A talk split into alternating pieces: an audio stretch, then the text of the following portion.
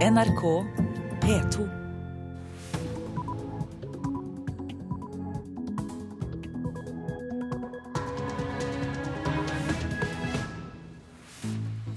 Ja, det er 100-årsdagen for kvinners stemmerett, og det skal vi også markere her i P2s Nyhetsmorgen. Nå klokka 6.30 tirsdag 11. juni er dette overskriftene. Mange barn med lærevansker får ikke den hjelpen de trenger før etter flere år på skolen, viser forskning. Men lærevansker kan avdekkes i barnehagen. Vi ser jo fra de er helt små i barnehagen, fra før de er ett år, ser vi gjerne hvordan de bruker språket sitt. Daglig leder i Bjerkaker barnehage i Tromsø, Kristin Hille. Terrordømte Anders Behring Breivik har sagt nei til arv etter sin avdøde mor. Nå er det på tide å ta makt over penger og eiendom, mener unge profilerte norske kvinner på stemmerettsdagen. Bare syv promille av verdiene på Oslo Børs styres av selskaper med kvinner på topp. Elisabeth Løland, leder i Kristelig Folkepartis Ungdom, og programleder i dag, Øystein Heggen. Lærevansker kan bli oppdaget i barnehagen, men mange barn får ikke hjelp før etter flere år på skolen. Antallet elever som får spesialundervisning øker kraftig etter hvert som barna blir eldre. I Bjerkaker barnehage i Tromsø mener de ansatte at de tidlig kan oppdage om barna henger etter i språkutviklingen.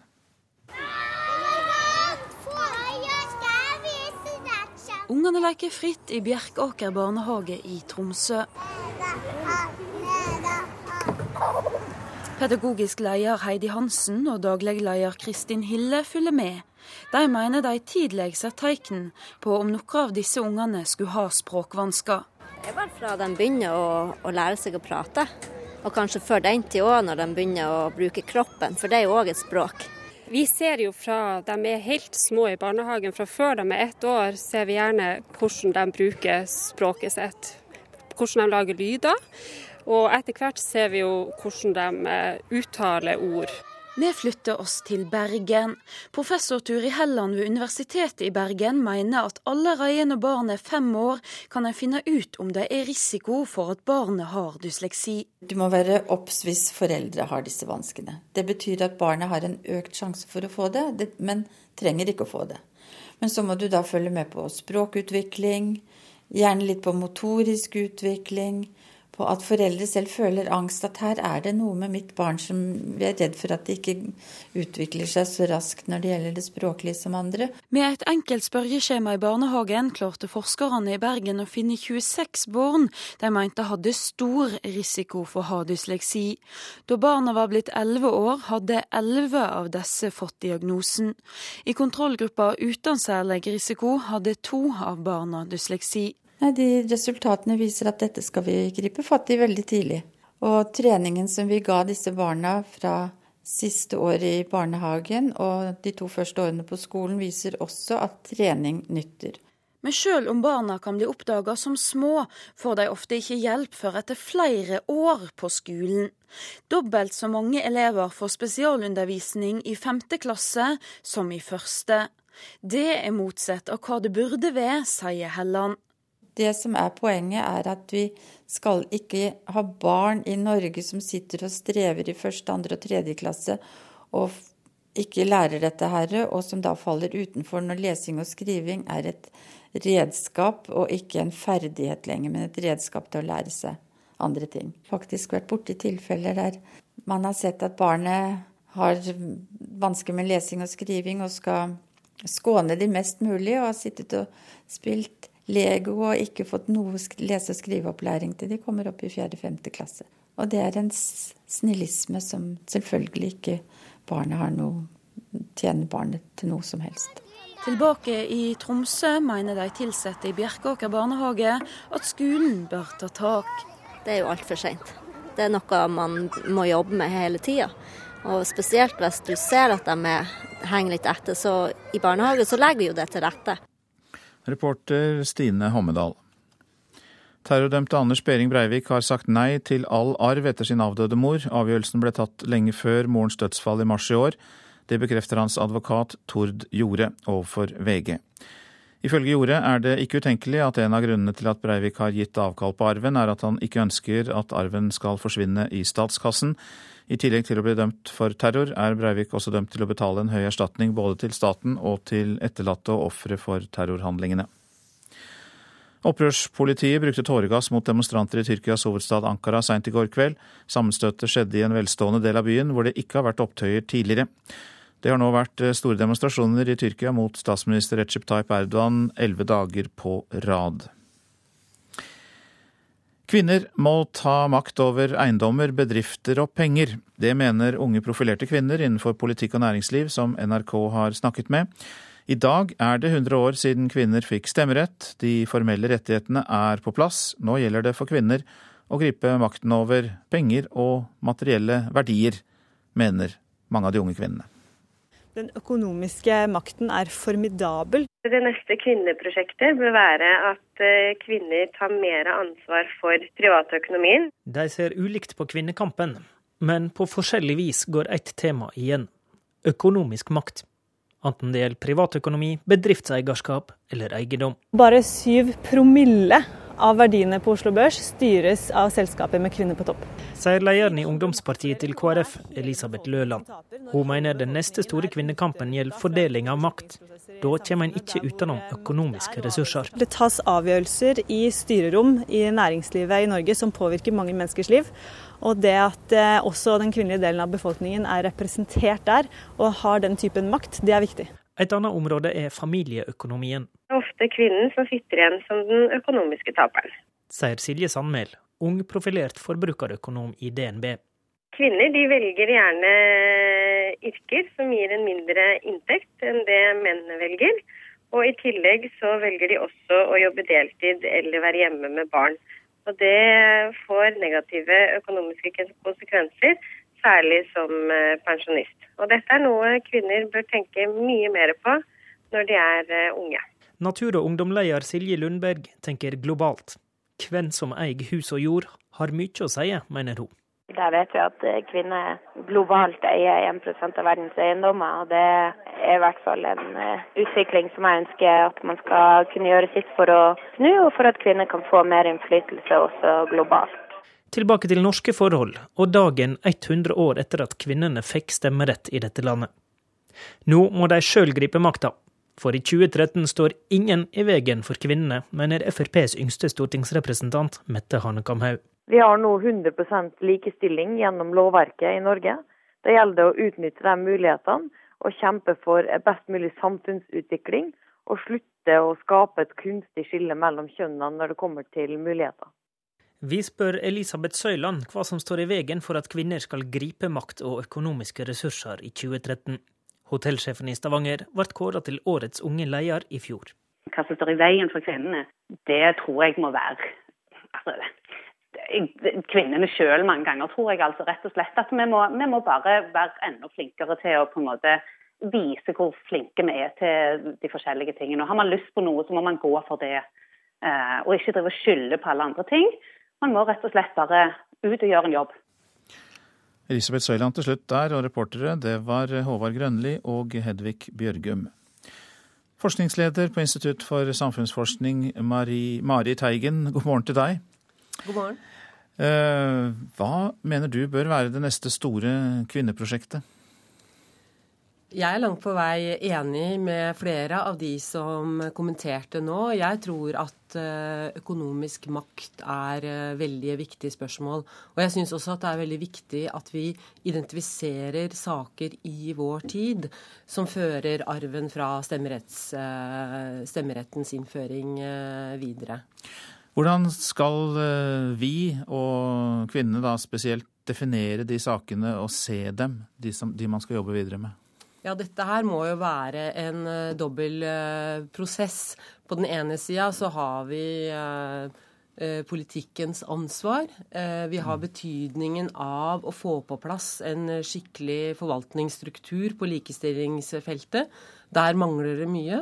Men så er det klart at det handler om å lytte til hva kvinner, og jeg vil også si menn, synes er de viktige utfordringene i dag. La meg ta det ene, for du nevnte at det henger igjen på det med forvaltningsstruktur. Vi hørte jo i innslaget her at uh, alt det formelle ligger til rette, ble det sagt. Men det stemmer ikke det helt, da? Nei, altså det, vi har jo nettopp uh, vært et uh, regjeringens likestillingsutvalg som har pekt på en del ganske vesentlige mangler i gjennomføringsstrukturen for likestillingspolitikken. Ja, hva er det konkrete der, da? i den Nei, det, handl det handler jo om at på nesten alle politikkfelt så finnes det forvaltningsorganer som eh, skal gjennomføre politikken. På likestillingsfeltet så er det noe som heter integreringspolitikken. Dvs. Si at man på hvert av de ulike f.eks. departementsområdene eh, skal selv finne ut hvordan likestilling skal gjennomføres. Og der så vi at det er veldig store mangler, sånn at vi mener at Eh, Barne- og likestillingsdepartementet eh, trenger å få et styrket sektoransvar på feltet. Og vi tror også at det trengs eh, organer som sikrer gjennomføring av likestillingspolitikken, og ikke minst identifiserer de likestillingsmanglene som eksisterer, og tenker gjennom hva slags politikk man kan gjennomføre. Så ble det også sagt her på slutten av Elisabeth Søyland, hotellsjefen, at kvinner står i veien for seg selv. Hva med det? Ja, altså jeg, jeg, tror jo at uh, det å fremme likestilling både handler om individenes ansvar eh, og, og, og, det å, å ta, ta, muligheter og fremme, eh, fremme de sakene man eh, vil jobbe for. Men, men, men, jeg tror ikke at det skjer i et slags sånt isolert rom hvor den enkelte finner ut hva den skal gjøre. Jeg, jeg, tror at det er en sammenheng hva, med, med hva politikken legger til rette for, hva den offentlige debatten åpner for, osv. Så omgivelsene betyr noe likevel. Ja, det er ikke bare individet der. Nei. Du blir med oss videre. Vi har nemlig et innslag til, for på Stortinget så markeres 100-årsdagen for kvinners stemmerett, bl.a. med utdrag av taler som preget samfunnsdebatten den gang. Hva er det som gjør et land fritt? Er det da ikke at regjeringen regjerer med de regjertes samtykke? Syns jeg er ganske fantastisk. Ved vandrehallen i Stortinget leser skuespiller Cecilie Lundsholt et av sine favorittsitat fra Ragna Nilsen, som skal ha sin del av æra for at vi i dag feirer at det er 100 år siden kvinner fikk stemmerett. Eh, og det er jo det disse kvinnene snakker om. Er det demokrati når det kun er et mindretall som får være med å stemme. På Stortinget skal skuespillere i dag lese utdrag fra noen av de viktigste talene i kampen for allmenn stemmerett. Talene er godt håndverk, mener Lundsholt. De er kjempeflinke til å bruke retoriske virkemidler for å få fram sine poenger. De vet hva de gjør. Johan Tønneson, professor i sakprosa ved Universitetet i Oslo, ga i går ut boka 'Retorikken i kampen om kvinnestemmeretten'. Den tar for seg talene til stemmer som Ragna Nilsen, Gina Krog og Fredrikke Marie Kvam, og spør om de kan forklare hvorfor Norge ble den første selvstendige nasjonen hvor kvinner fikk stemme. De stiller retoriske spørsmål. Og så driver de ikke og eh, tar mannen istedenfor ballen. De tar ballen, og de gjør det likevel på en skarp måte som er svært tydelig. Jeg tror jeg sa noe sånt som at de mannfolka som er størst i kjeften, ofte er de som trenger det minste fikenbladet selv. Så gjorde jeg sånn med fingrene, selvfølgelig. Ved pulten sin i Kunnskapsdepartementet tenker Kristin Halvorsen tilbake på ganger hun har brukt retoriske knep langt unna det pionerene for 100 år siden kunne våge seg på. Blant annet minnes hun ei feide med Venstre-leder Lars Sponheim i 2009. Jeg var ganske fornøyd med den, fordi at jeg fikk tatt igjen. Etter 100 år kan det være vanskelig å forstå hvor vanskelig kampen for stemmeretten var, mener Halvorsen. Det som jeg tror er veldig lett å glemme for oss som lever nå, det er hvor mye det kosta egentlig. Hvor omstridt det var, hvor kontroversielt det var. Men trass i at vi i Norge nå har kommet dit at kvinner ikke bare kan stemme, men også bli ledende politikere, så er det fortsatt slik at det er andre krav til kvinner i politikken enn til menn, mener Halvorsen. Det har jeg observert eh, mange ganger. At eh, hvis man eh, er litt for sterk i, følelsene blir litt for opphissa, blir litt for sint, så er det så har kvinner mindre å gå på enn det menn, mannlige debattanter har. Jeg tror kanskje det er mer en aldersutfordring enn en kjønnsutfordring. Frp-leder Siv Jensen og Kristin Halvorsen er uenige om mye. Og Siv Jensen er ikke helt med på at kvinnelige politikere har andre utfordringer enn menn. Jeg opplevde nok mer av det å være ung jente i politikken som er mer utfordrende enn det å være kvinne i politikken. Så handler det litt om at vi jenter vi er veldig opptatt av å være mer enn 100% trygge på det vi skal gjøre før vi gjør det. Og jeg sier veldig ofte til andre unge jenter rundt meg at kast dere ut i det, dere svømmer når dere er på dypt vann allikevel. Siv Jensen til slutt der, og reportere her det var Heidi Røneid og Sondre Bjørdal. Du er fortsatt med oss, Marit Teigen, forskningsleder på Institutt for samfunnsforskning. Ja, La meg gripe fatt i det som Kristin Halvorsen sa her, da.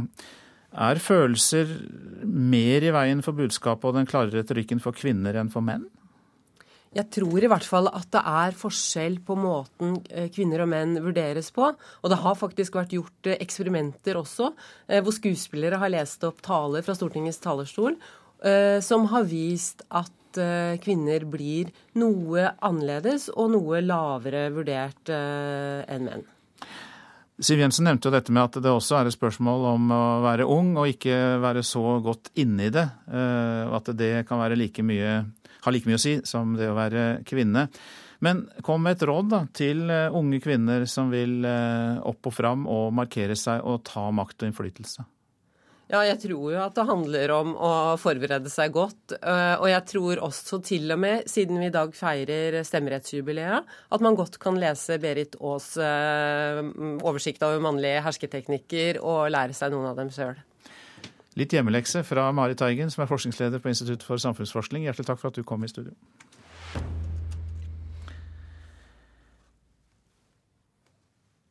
Så har vi fått inn en melding om at tolv år gamle Neda Ibrahim og familien hennes nå er i ferd med å bli sendt ut av landet. Neda har gitt eh, asylbarn i Norge et ansikt, og familiens oppholdstillatelse skulle vært behandlet i retten, men i natt ble familien hentet av politiet på asylmottaket i Dale i Sandnes.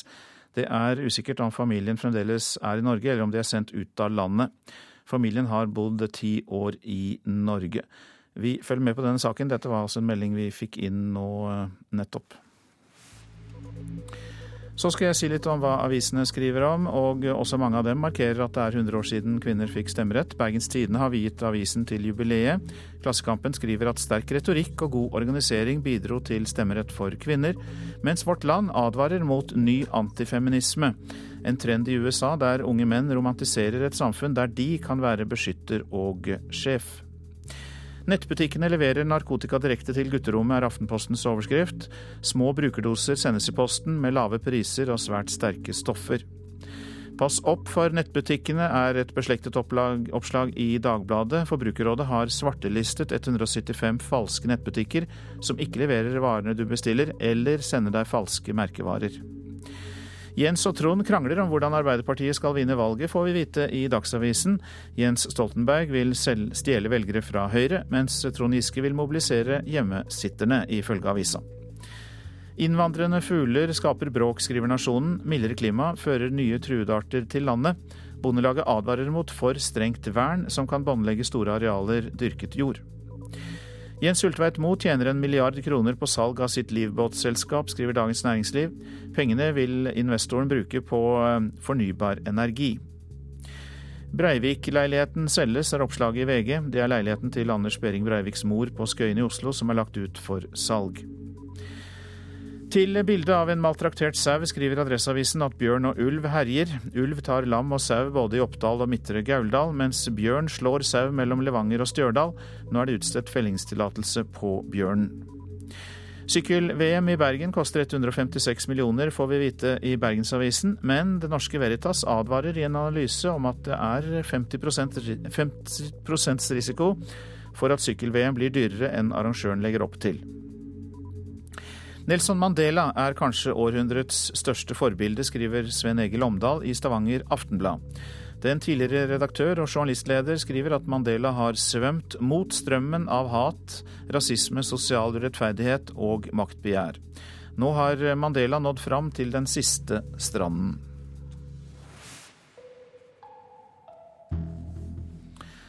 Og debatten om uh, hvilket lag som er best i Fotball-Norge fortsetter, for um, det er mer talent i U21-laget enn i A-laget, mener A-lagsspiller Tariq Alinossi. Han ser større tekniske ferdigheter i uh, ungdomslandslaget, som er med i EM i Israel. Det er nok uh, mer, hva skal jeg si, litt mer talent og litt mer teknikk i laget. Når du sier mer talent, hva tenker du altså at de besitter mer talent enn det mange på A-landslagene kunne vise? Jeg tenker litt mer, eh, litt mer sånn talent i forhold til sånn ballferdigheter. Det er, eh, altså du, du, merker jo det, de, de, som kommer, de yngre som, som kommer opp nå, er litt, er litt mer ball, altså litt mer glad i ball. Og, og, det er klart man blir bedre av det. det man, blir, man får bedre teknikk, man får bedre ballferdigheter. Det norske A-landslaget sliter i VM-kvalifiseringen. Fredag ble det kun 1-1 mot Albania i en dårlig kamp sett med norske øyne. Samtidig har U21-landslaget imponert i EM i Israel og er på god vei mot en semifinale etter å ha slått ut England lørdag. Det gror godt i norsk fotball, og det er viktig å glede seg over sånne prestasjoner. Men ballbesittelse er stikk i strid med landslagssjef Egil Olsens fotballfilosofi, som bl.a. går på at ballen skal fort fremover på banen. Men Drillo ser at det er mye gode ferdigheter blant spillerne på U21-laget. Spillertyper preger også en stil i en viss grad. Eh, så kan jeg gjerne si at Den delen som går på det, gjør jo at det naturligvis kan se litt annerledes ut. For de er andre typer med andre ferdigheter. Ja, Drillo kom til orde der. Reporter var Geir Elle. Du kan høre U21-laget i EM i kveld klokka 18 på NRK Sport, og, eh, som altså går på DAB+. Også da Norge-Makedonia direkte på NRK P1 fra klokka 19. Så det er mye fotball på radio i kveld, da. Dette er Nyhetsmorgen. Klokka har passert 6.51, og vi har disse hovedsakene. Mange barn med lærevansker får ikke den hjelpen de trenger før etter flere år på skolen, selv om vanskene kan avdekkes i barnehagen. 100 år etter at kvinner fikk stemmerett, er det på tide å ta makt over penger og eiendom, mener mange unge profilerte kvinner NRK har snakket med. Og nesten halvparten av alle lærlinger innen restaurant og matfag bytter lærested eller slutter på studiet i løpet av læretiden. Mer om det seinere. Nå ber norske myndigheter USA undersøke om Norge er involvert i overvåkningsskandalen som ble avslørt i The Guardian og Washington Post. Amerikansk etterretning skal ifølge disse avsløringene ha fri tilgang på vanlige menneskers bilder og e-poster på nett. Det er foreløpig usikkert om folk som bruker internett i Norge også blir overvåket, noe norske myndigheter ønsker å få klarhet i. Det vi har gjort, eh, det er at eh, vår ambassade i Washington har kontakta amerikanske myndigheter Eh, og bedt om, om, informasjon i saken, slik at eh, vi har noe å forholde oss til. Eh, det vi vet, det er ikke noe annet enn det vi har lest og hørt, som alle andre har hørt og lest. Sier statssekretær i Utenriksdepartementet, Torgeir Larsen. Det var avisene The Guardian og Washington Post som i forrige uke kunne avsløre at amerikansk etterretning har fri tilgang til bl.a. e-poster og billetter via Google, Facebook og sju andre nettselskap. Det er foreløpig usikkert om norske internettbrukere også blir overvåka, men Larsen håper nå på et svar fra amerikanske styresmakter. Det som er viktig, eh, det er at eh, vi eh, er med å bringe klarhet, slik at nordmenn flest som er på sosiale medier og, og andre steder, har en større trygghet og sikkerhet i forhold til hva dette er. I forgårs sto kjelder bak overvåkningsskandalen, Edward Snowden, fram. Jeg kan ikke tillate at amerikanske styresmakter ødelegger personvernet og grunnleggende fridommer, uttaler Snowden i et intervju med den britiske avisa The Guardian søndag kveld. When you are subverting the power of government, that, that's a fundamentally dangerous thing to democracy. Snowden regner nå med å måtte leve med frykta for amerikansk etterretning resten av livet. Men også her i Norge er flere bekymra for at amerikanerne har tilgang til å lese e-postene våre. En av dem er direktør for internett og nye medier i IKT Norge, Torgeir Waterhouse. Dette er veldig alvorlig. Dette er ikke noe vi kan finne oss i i det hele tatt hvis et annet land gjør dette. De får være veldig tydelige, veldig tydelige på at den type aktivitet overfor norske borgere aksepterer vi ikke i det hele tatt. Å forlange at bruk av data om deg og meg, det skjer kun etter rettskjennelser. Sa Waterhouse til Kulturnytt fredag ettermiddag. Han får støtte fra leder i Unge Venstre, Sveinung Rotevatn. For det første så bør norske myndigheter få helt på det rene hva som har skjedd i USA, og hvordan det har rammet norske innbyggere. Vi skal være veldig kritiske til hva fullmakter statlige myndigheter har. Eh, og ikke minst at de kanskje kan tenkes å gå utover de fullmaktene. Nå vet vi ikke det fulle bildet fra USA enda, men det som nå har kommet fram er etter mitt syn skremmende. Og om det stemmer at amerikanske myndigheter har fått direkte tilgang til alt som skjer på serverne til Google eh, og Facebook osv., da angår ikke det bare amerikanere. Da angår det millioner av nordmenn og egentlig mennesker over hele verden. Til slutt her, eh, leder i Unge Venstre Sveinung Rotevatn, reporter Camilla Yndestad. 44% av alle lærlinger innen restaurant- og matfag bytter læreplass eller slutter på utdanningen i løpet av læretiden. Utnytting av lærlingene er én av årsakene. På torsdag og fredag så var jeg utplassert. Mm. Og da jobba jeg ca. ti timer begge dagene. Var det ikke lov? Nei, det er ikke lov. Ja.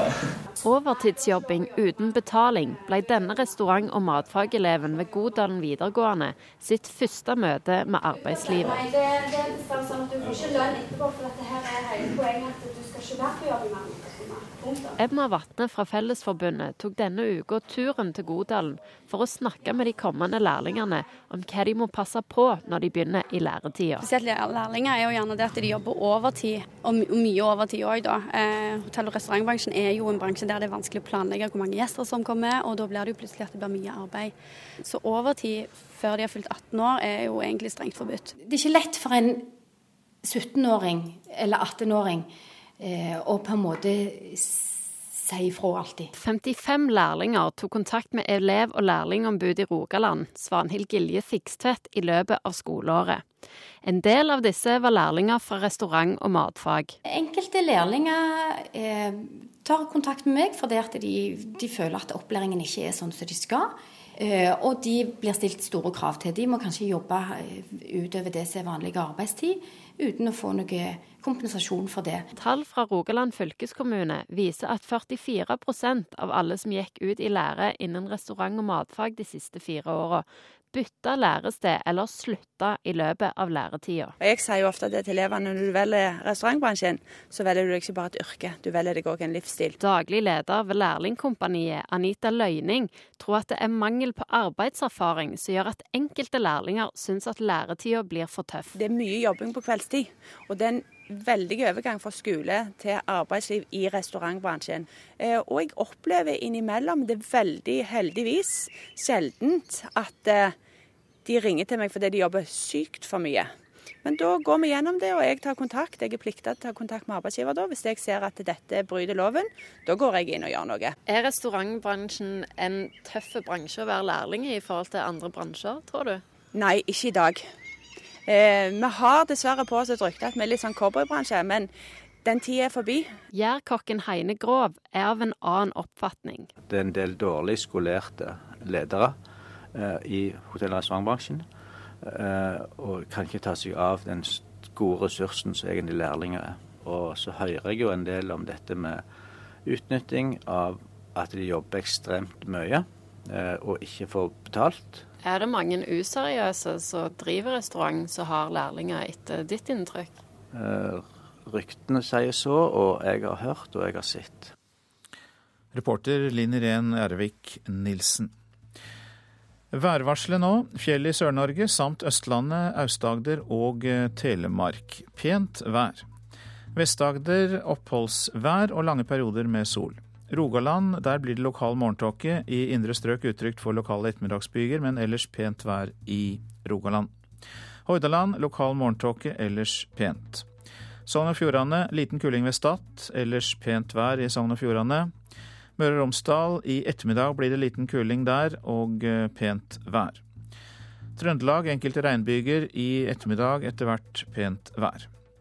Så var det Nordland. Enkelte regnbyger, snøbyger i høyfjellet, men også perioder med sol. Troms. Enkelte regnbyger, sludd- og snøbyger i høyden. Fra utpå ettermiddagen blir det oppholdsvær i Troms. Finnmark nordøstlig til dels liten kuling, som etter hvert minker til frisk bris. Regnbyger i Finnmark, sludd- og snøbyger i høyden.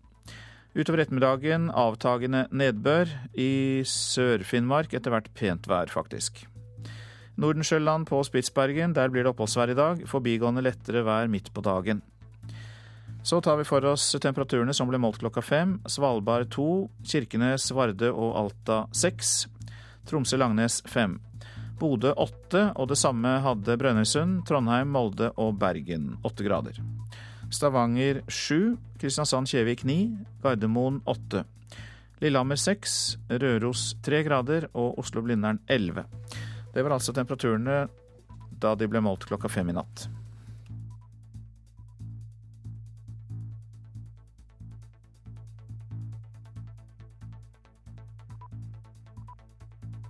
NRK P2.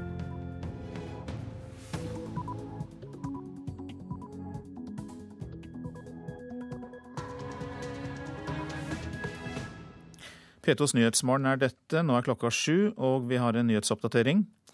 Høyres eh, veiutbygging vil gi ekstraregning på 37 milliarder kroner, mener Samferdselsdepartementet.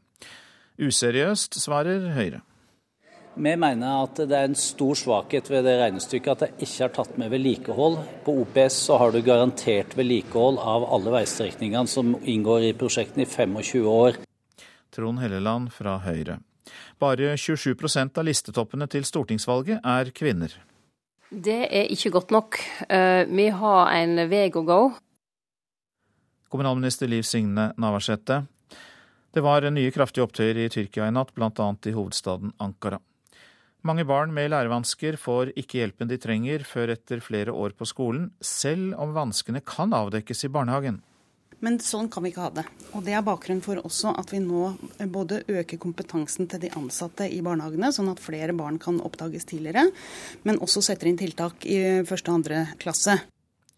Kunnskapsminister Kristin Halvorsen. Tolv år gamle Neda Ibrahim og familien hennes er nå i ferd med å bli sendt ut av landet. Neda har gitt eh, asylbarn i Norge et ansikt, og familiens oppholdstillatelse skulle vært behandlet i retten, men i natt ble familien hentet av politiet på asylmottaket på Dale i Sandnes. Eh, det vil bli 37 milliarder kroner dyrere å bygge vei på høyremåten. Det mener Samferdselsdepartementet, som for første gang har regnet på hvor høy ekstraregningen blir med Høyres form for veifinansiering, altså det som kalles offentlig-privat samarbeid. Høyre på sin side mener regnestykket er helt feil. En av strekningene de vil bruke denne metoden på, er Sotrasambandet i Hordaland. Stemmer det at vi har fått to milliarder? Vi er først! Vi er der, Willy! Jeg er ti kilo lettere. Det var jubel og glede både for ordfører i Fjell, Eli Bærland, og bilistene. Tide det skjer noe, i hvert fall. Så jeg er fornøyd med det. Kjempeflott. Da Nasjonal transportplan ble lagt fram i april. Der lå nemlig Sotrasambandet til 7 milliarder kroner inne i planen, noe som gir ny firefelts bru mellom Bergen og Sotra, kanskje allerede i 2020. Men hvis Høyre får bygge som de vil, så vil dette prosjektet bli mye dyrere. Det mener samferdselsminister Marit Arnstad. Da ville det kosta ca. 1,9 milliarder kroner mer enn det det koster hvis du betaler det mens du bygger det. Departementet har sett nærmere på denne og flere andre strekninger som Høyre foreslår å finansiere med offentlig-privat samarbeid, såkalt OPS. Denne metoden skal gi mer vei på kortere tid for pengene, og går ut på at et privat selskap får ansvaret for å bygge og betale for veien. Deretter må staten betale tilbake hele beløpet over flere år. En løsning som vil gi ekstrakostnader på flere milliarder, ifølge Arnstads helt ferske regnestykke. Fordi at eh, Høyre skal låne opp penger til å betale OPS-prosjektene. Og så blir det rimelig og billig de første årene, men de skyver altså regninga foran seg. Og totalt sett over en 23-25 eh, år, som er den vanlige tida for et OPS-prosjekt, så vil det summere seg opp til 37 milliarder kroner. Jeg reagerer veldig sterkt på at eh, de rød-grønne nå bruker embetsverket i sitt valgkampmaskineri. Sier samferdselspolitisk talsmann i Høyre, Trond Helleland, som ikke er spesielt imponert over oversikten departementet nå har laga. Vi mener at det er en stor svakhet ved det regnestykket at det ikke er tatt med vedlikehold. På OPS så har du garantert vedlikehold av alle veistrekningene som inngår i prosjektene i 25 år. Dessuten så har det ingen samfunnsøkonomiske regnestykker på at gevinsten vil være stor dersom du halverer byggetida og bilistene kan begynne å kjøre på veien tre-fire år før. Likevel, samferdselsministeren står på sitt. Regnestykket blir feil dersom man utelater vedlikeholdskostnadene, sier Høyre. Hva er din kommentar til det? Ja, det, får jo dem, eh, da, det får jo dem vise nærmere hva de mener om. Jeg mener at det hadde ikke gjort så veldig mye forskjell om du har tatt ned drift og vedlikehold. Altså Når samferdselsministeren klarer å si at vedlikehold ikke er noen stor kostnad, ja det viser hvordan jeg tenker når det gjelder vedlikehold. Det er for dårlig vedlikehold til veier i Norge. Vi ønsker bedre vedlikehold, og OPS vil løse det. Til slutt er Trond Helleland fra Høyre, reporter Ole Marius Rørstad. Lasse Fridstrøm, du er med oss, eh, forsker på Transportøkonomisk institutt. Og eh, hva mener du om eh, denne krangel om regnestykket? Jeg syns det er merkelig å høre hvordan politikerne her avsporer diskusjonen om OPS til å dreie seg om hvorvidt en skal kjøpe vei på avbetaling eller ikke. For det er jo overhodet ikke det OPS handler om. Det dreier seg om at staten overlater ansvaret for å holde budsjettene til et privat selskap. Dvs. Si at dersom budsjettet sprekker, er ikke det statens eller skattebetalernes problem, men det private selskapets. Og Med budsjettet mener vi da ikke bare selve anleggskostnaden, men også kostnaden ved å drive og vedlikeholde veien i f.eks. en 25-årsperiode. Eh, staten forsikrer seg med andre ord mot kostnadsoverskridelser, og det er hovedinnholdet i OPS. Men, så, ja, kom igjen. Ja, ja, er det i og for seg riktig at du kan bruke dette her til å eh, fordele betalingen jevnt utover en lang prosjektperiode, som i en avbetalingskontrakt.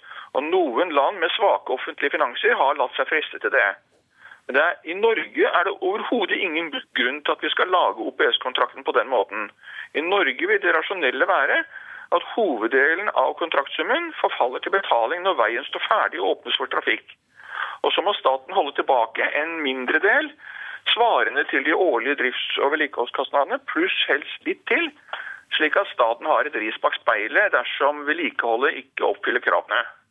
Oppsummert, Lasse Fridstrøm, så forstår jeg det da slik at du mener at man egentlig kan bruke denne OPS-ordningen fordi den gir en forsikring mot budsjettsprekk, og ja. at man kan unngå å få et etterslep på kostnader fordi man betaler raskere tilbake? En, man kan betale med en gang når veien er ferdig. Og da, Fordelen med det er at selskapet som da bygger veien, vil ha et sterkt motiv for å gjøre veien raskt ferdig. For da får de penger når, når veien er ferdig, og kapitalbindingen i byggeperioden blir mindre, dvs. Si lavere byggerenter. Og Det er, tror jeg, hovedgrunnen til at OPS-prosjektene går stort sett Eh, dobbelt så fort å gjøre ferdig som et tradisjonelt prosjekt. Ja, Har vi erfaring for det i Norge, da? Ja, eh, det er, er, viste seg tydelig i de tre prosjektene TØI evaluerte, at byggetiden så ut til å være bare halvparten av det man ellers ville hatt. Og Det er prosjekter som Transportøkonomisk institutt har sett på? Det stemmer. Takk skal du ha, Lasse Fridstrøm, som altså er forsker nettopp der. Bare 27% av listetoppene til stortingsvalget er kvinner. Og det er færre kvinner øverst på stortingsvalglisten i år enn ved valget for fire år siden. Og det får vi vite på en dag eh, som det er 100 år siden kvinner fikk allmenn stemmerett her i landet. Så vi gikk ut på gaten og spurte kvinner om hvorfor kvinner er underrepresentert på valglistene. Syns vel kanskje det er litt dårlig. Jeg tror at eh, kvinner engasjerer seg mer hjemme Nei, jeg tror, jeg tror faktisk det. Jeg mistenker at det er litt gutteklubb, altså. Kun 27,5% av listetoppene før høstens stortingsvalg er kvinner. Det viser tall fra Kommunal- og regionaldepartementet og SSB. Kvinneandelen blant listetoppene har sunket med fire prosentpoeng. Det er ikke godt nok. Eh, vi har en vei å gå. Sier kommunal- og regionalminister Liv Signe Navarsete. Hun tror flere kvinnelige ordførere er veien å gå. For de vil òg eh, være de som kanskje rekrutterer til å bli listetoppa ved stortingsvalget om fire år. Altfor få ordførere som er kvinner, bare 22% Det er 40 eh, kvinner på listen til stortingsvalget, hvis du ser listen totalt sett. Men det er når du begynner å se på topplasseringene at eh, det svikter. Navarsetes parti, Senterpartiet, er sammen med Ap best blant de politiske partiene. Verst i klassen er Frp, Vi bryr oss ikke om statistikken, sier stortingsrepresentant Mette Hanekamhaug. Eh, vi i Fremskrittspartiet er opptatt av å til enhver tid ha de beste kandidatene på listene. Om det er kvinner eller menn, eh, menn, det er ikke noe vi tenker på eller bekymrer oss over. Jeg tror det har med interesse å gjøre, rett og slett. At det er kanskje da flere menn som er interessert i å tre inn i politikken enn det er kvinner. Jeg tror ikke at det er at kvinner er mindre engasjert, men rett og slett at eh, flere menn velger å trå inn i politikken. Er dette noe man er litt for opptatt av, syns du? Jeg syns det. Eh, I all den tid man gjennom lovene og reglene har 100% likestilling, så syns jeg det at det er synd at vi fremdeles 100 år etterpå lager kunstige skiller mellom menn og kvinner, istedenfor å snakke om kompetanse og mennesker. Valgforsker Toril Aalberg tror den lave kvinneandelen skyldes interne maktspill i partiene. Eh, og hvor det da ofte er en tendens til at det er en mannlig kandidat som, som da blir å toppe listene, og så kommer kommer den øverste kvinnelige kandidaten på andreplass. Aalberg mener partiene selv må ta grep for å få inn flere kvinnelige listetopper. At partiene må, må gå i, i, seg selv og være enda flinkere til å, å finne de, de dyktige kvinnene. Og, og hjelpe til å motivere dem ekstra til å stille på topp. Og reporter her, det var Andreas Meyer Eide. Tolv år gamle Neda Ibrahim og familien hennes er nå i ferd med å bli sendt ut av landet. Neda har gitt asylbarn i Norge et ansikt, og familiens oppholdstillatelse skulle vært behandlet i retten, men i natt ble familien hentet av politiet fra asylmottaket på Dale i Sandnes. Mor ringte meg fra Sola flyplass klokken halv fem og fortalte dette og var meget fortvilet over situasjonen da dette skjedde, altså da politiet kom, så hadde mor gått inn på toalettet med en mobiltelefon for å ringe og varsle. Uh, uh, hun ringte da og varslet Kari Gelein, som har skrevet denne boken som har tittelen til nederste utsagn jeg liker Norge, men Norge liker ikke meg'. Politiet dunket da på døren, og uh, om de brøt seg inn eller hvordan det var, i alle fall så kom de inn og tok telefonen fra mor, så hun fikk ikke ha kontakt med noen da. Ja, Det sa Aina Våge, overlege ved barne- og ungdomspsykiatrisk avdeling ved Stavanger universitetssykehus. Og hun har behandlet familien til Neda. Og den er altså da um, hentet fra asylmottaket på Dale i Sandnes. Så noe helt annet, som det heter av og til i radioen, nemlig feriepengene. Sommeren nærmer seg jo, og mange venter på disse ekstra tilskuddene gjennom feriepenger, og i og for seg også skattepenger for noen. Eh, og det utbetales gjerne i juni. Men bruken av disse pengene varierer mye, og derfor skal du hjelpe oss litt med å tenke rundt dette Forbrukerøkonomisk Sparebank1. Magne Gundersen, god morgen til deg. God morgen. Vet du noe om hva vi, bruker, hva vi bruker feriepengene på? Bruker vi det til ferie, eller går det til mye annet? Ja, De mm, fleste bruker jo pengene til eh, ferie. Det er det det er ment til. Og det passer bra å få pengene nå i juni, for nå står ferien for døren. Men vi bruker pengene også på andre ting. Det vet vi fra undersøkelser og ut fra erfaring. Eh, nå i disse tider hvor folk opplever litt sånn uro for hva som skjer med økonomien både i Europa og ser at det er litt stigende ledighet og litt usikkerhet også i Norge, så vet vi det at da har folk en tendens til å tenke på seg selv og, og, sikre seg litt. Så det betyr at eh, en del vil nok eh, spare noe av feriepengene, legge det litt til side. Eh, kanskje også nedbetale litt gjeld, sånn for å trygge sin egen økonomi, faktisk. Var det mer vanlig tidligere at vi tømte hele kontoen på ferien, eller? Eh, det kommer litt an på tidene. Hvis det er, eh, altså utsikten er lyse og, det, og himmelen, økonomiske himmelen er skyfri, så er det lettere å bruke mer eh, pengene, av pengene på ferie. Men når vi nå ser at det er litt usikkerhet, så er det egentlig ganske naturlig reaksjon at det da passer litt ekstra godt på pengene og ikke bruker opp alt på en gang. Ja, Er vi fornuftige brukere av feriepenger, syns du? Ja, jeg syns det er fornuftig å bruke det meste av feriepengene på eh, ferie. Det er, eh, jeg tror folk trenger å ha godt av å ta noen uker break fra, ferie, fra jobben sin og komme seg litt ut og bort og bruke noen av pengene sine på det. Så det syns jeg er ganske fornuftig. Nå har vi jo sett avisoppslag om at det er mange som bruker feriepengene på å fikse på utseendet sitt. Og nå i dag så har vi vel også et oppslag om at reisene til USA øker betydelig. 5,5% flere i fjor enn tidligere år. Er det sånn at vi er litt flinkere til å mm, finne mer spektakulære kostnader å bruke disse pengene på? Ja, ikke sant. Det er jo sånn at nå har nordmenn i mange år, eh, omtrent siden slutten av 60-tallet, reist til Syden. Mm. Så mange har vært både i Spania og Italia og Tyrkia og Hellas eh, både én og flere ganger. Så det at USA f.eks. peker seg ut som et voksende ferieland, det er egentlig ikke så overraskende. Det er nytt nordmenn godt av en sterk krone, så vi får mye for pengene der borte. I tillegg så uh, har jo mange oppdaget at uh, USA er også et ganske rimelig ferieland. Altså det er trygt å feriere der. Uh, og det er ikke så veldig dyrt. Mange varer er jo ja, veldig lavt priset sammenlignet med Norge. Så det er et sted hvor folk føler at de får mye for pengene. Så å dra til nye land, det har man jo lyst til. Og når man attpåtil får mye for pengene, og det er trygt og godt å feriere der, ja, så skjønner jeg godt at man drar dit. Hva er ditt eh, beste tips eh, til å bruke feriepenger, da, Magne Gundersen? Bortsett fra USA, som du nevnte der. Nei, bruke pengene på ferie. Man har godt av den ferien. Men også hvis du har litt eh, la oss si litt kredittkortgjeld og litt sånn dyr forbruksgjeld liggende som ikke har fått betalt ned, kvitt deg med det. Så, så kan du starte høsten med ny frisk uten noe tyngende gjeld. Det var lurt vi fikk med oss den på tampen der. Takk skal du ha, Magne Gundersen fra Sparebank1. Dette er Nyhetsmorgen. Klokka den går mot 7.15, og vi har disse hovedsakene. 37 milliarder kroner dyrere å bygge vei på høyremåten, mener Samferdselsdepartementet. Useriøst, svarer Høyre, som sier at regnestykket ikke inkluderer eh, vedlikehold av veiene. Nye kraftige opptøyer i Tyrkia i natt, bl.a. i hovedstaden Ankara.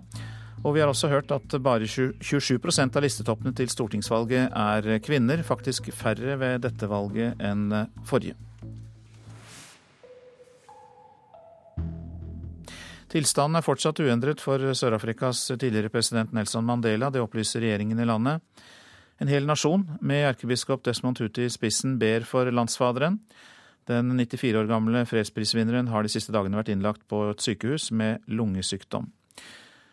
Journalist i Bistandsaktuelt, Jan Speed, god morgen. Morgen, morgen. Du er opprinnelig fra Sør-Afrika. Og fortell oss hvorfor det oppleves som så dramatisk for folk i Sør-Afrika, det som nå skjer. Nelson Mandela er blitt liksom den store forsoneren. Um, han var i mange år liksom det store frihetshåpet, og han um, har symbolisert um, en, ideologi, en håp, en, en tro på framtiden. Og en rettskaffenhet, for å si det sånn, som jeg tror mange i Sør-Afrika nå opplever går tapt. Hva vil skje med dette når han da til slutt eh, dør? Er du redd for at eh, den rettskaffenheten ikke blir så tydelig i samfunnet? Ja, jeg, jeg tror det vil oppleves som at liksom, du, du, vil ha en stor landesorg med, med en gang. Men jeg tror også at sørafghanere vil oppleve en stor tomhet. At dagens ledere for eh, den afrikanske nasjonalkongressen, som, som, Mandela har stått som leder for, de betraktes som etter hvert som delvis korrupte, eh, delvis inkompetente, og i hvert fall at de har kastet vrak på idealene til Mandela. Hva tror du da vil skje med ANC, som jo omfatter så veldig mange nå? Jeg tror veldig mange håper at det vil skje en splittelse i ANC. At den dens makt um, svekkes noe, slik at demokrati kan få en litt bedre vilkår i Sør-Afrika, slik at du får litt større valgmuligheter. Gikk Mandela av for tidlig som president? Han var det jo bare i fem år, og han hadde jo da med seg denne rettskaffenheten som du peker på som så viktig. Jeg tror en del folk opplever det, men man skal huske at han var da 84 år gammel da han, eh, da han gikk av. Han var en gammel mann. Og på sett og vis var han ikke regjeringssjefen selv i de årene da han var president. Det var visepresident Tabo Mbeki som styrte landet. Mandela var symbolet. Han gjorde en del symbolske handlinger. Og man skal huske at selv i hans regjeringsperiode gjorde han en del feil, bl.a. at han overså eller ignorerte f.eks. hiv-aids-problematikken, som han engasjerte seg i mye sterkere etterpå. Sven Egil Omdal i Stavanger Aftenblad, tidligere redaktør og journalistleder, han skriver faktisk på førstesiden i dag at Mandela svømte mot strømmen av hat, rasisme, sosial urettferdighet og maktbegjær. Nå har Mandela nådd fram til den siste stranden. Syns du om den beskrivelsen? Ja, jeg, tror det er en riktig beskrivelse. Mandela på en måte trosset veldig mange av hans egne når han gjorde en del symbolske handlinger. Han valgte å prøve å gjøre fiendene til venner. Og det har han klart. Liksom, jeg tror like mange hvite som svarte vil, eller i hvert fall prosentvis av de hvite vil, sørge over Mandelas tap. Men eh, han er altså da fortsatt på sykehus med en eh, lungesykdom, 94 år gammel. Og vi kan vel også si eh, Jan Speed at han eh, trass i noe sviktende helse også på slutten av presidenttiden har eh, holdt seg bra og vært til stede til dels i offentligheten. Ja, og det skyldes nok at han gjennom hele sitt liv var en aktiv fysisk aktiv i fengsel, gjorde han, hadde han veldig fast disiplin med å gjøre, gjøre, øvelser hver dag. Han er en gammel bokser, og selv som president og etterpå har han gått sin morgenpromenader.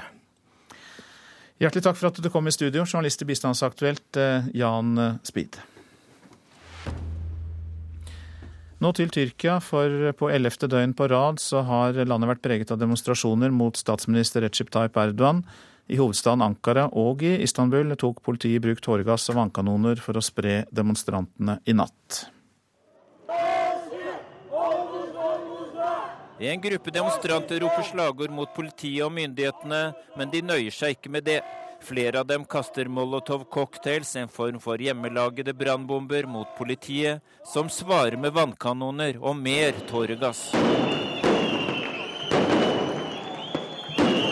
Det har pågått voldsomme gatekamper i Istanbul i natt. Også i hovedstaden Ankara har politiet tatt i bruk tåregass og vannkanoner. Det oppsiktsvekkende der var at folk i bydeler som ikke har deltatt i demonstrasjoner tidligere, gjorde det i natt. Mange av demonstrantene sier at de har fått nok av landets statsminister Recep Tayyip Erdogan, som de mener er blitt autoritær.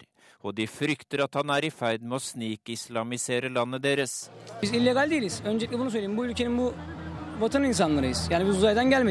Vi er ikke illegale borgere, vi har rett til å si vår mening, sier en av demonstrantene i Istanbul. Vi vil ha ledere som respekterer folket, legger han til. Han får støtte av en meddemonstrant som nyhetsbyrået Ap har snakket med. Han forteller at dagens ledere, som statsminister Erdogan i spissen, er arrogante og fornærmer folket sitt. Bizim anayasal hakkımızı elimizden almalarını istemiyoruz. Biz E, I elleve døgn har Tyrkia vært preget av heftige demonstrasjoner. Aktivistene begynner å få gjennom noen av kravene sine. Et av dem er at de vil snakke med statsministeren ansikt til ansikt. En gruppe av dem er invitert til et møte med statsminister Erdogan i morgen. Og det sa reporter Dag Bredvei. Et flertall av amerikanerne mener det er greit at USAs etterretning får tilgang til opplysninger om vanlige folks telefonsamtaler, ifølge en ny undersøkelse. 56% svarer at det er akseptabelt at etterretningsorganisasjonen NSA sitter på telefonloggene til millioner av kunder hos teleselskapet Verizon. Et lite flertall er imidlertid negative til massiv overvåkning av internett. Så noen ord om avisen i dag. Flere markerer at det er 100 år siden kvinner fikk stemmerett. Bergens Tidende har viet avisen til jubileet. Klassekampen skriver at sterk retorikk og god organisering bidro til at det ble stemmerett for kvinner, mens Vårt Land advarer mot ny antifeminisme. En trend i USA der unge menn romantiserer et samfunn der de kan være beskytter og sjef. Nettbutikkene leverer narkotika direkte til gutterommet. Det er Aftenpostens overskrift. Små brukerdoser sendes i posten med lave priser og svært sterke stoffer. Pass opp for disse nettbutikkene, skriver Dagbladet. Forbrukerrådet har svartelistet 175 falske nettbutikker som ikke leverer varene du har bestilt, eller sender deg falske merkevarer. Jens og Trond krangler om hvordan Arbeiderpartiet skal vinne valget, får vi vite i Dagsavisen. Jens Stoltenberg vil stjele velgerne fra Høyre, mens Trond Giske vil mobilisere hjemmesitterne. Innvandrende fugler skaper bråk, skriver Nasjonen. Mildere klima fører nye truede fuglearter til landet. Bondelaget advarer mot for strengt vern, som kan båndlegge store arealer dyrkbar jord. Jens Ulltveit Moe tjener en milliard kroner på salg av sitt livbåtselskap, skriver Dagens Næringsliv. Pengene vil Ultveit Moe bruke på å investere i fornybar energi. Breivik-leiligheten selges, er oppslaget i VG. Det er leiligheten til Anders Behring Breiviks mor på Skøyen i Oslo som er lagt ut for salg. Til bildet av en maltraktert sau skriver Adresseavisen at bjørn og ulv herjer. Ulv tar lam og sau både i Oppdal og Midtre Gauldal, mens en bjørn slår sau mellom Levanger og Stjørdal. Nå er det utstedt fellingstillatelse på bjørnen. Sykkel-VM i Bergen koster 156 millioner, får vi vite i Bergensavisen, men Det Norske Veritas advarer i en analyse om at det er 50 risiko for at sykkel-VM blir dyrere enn arrangøren legger opp til.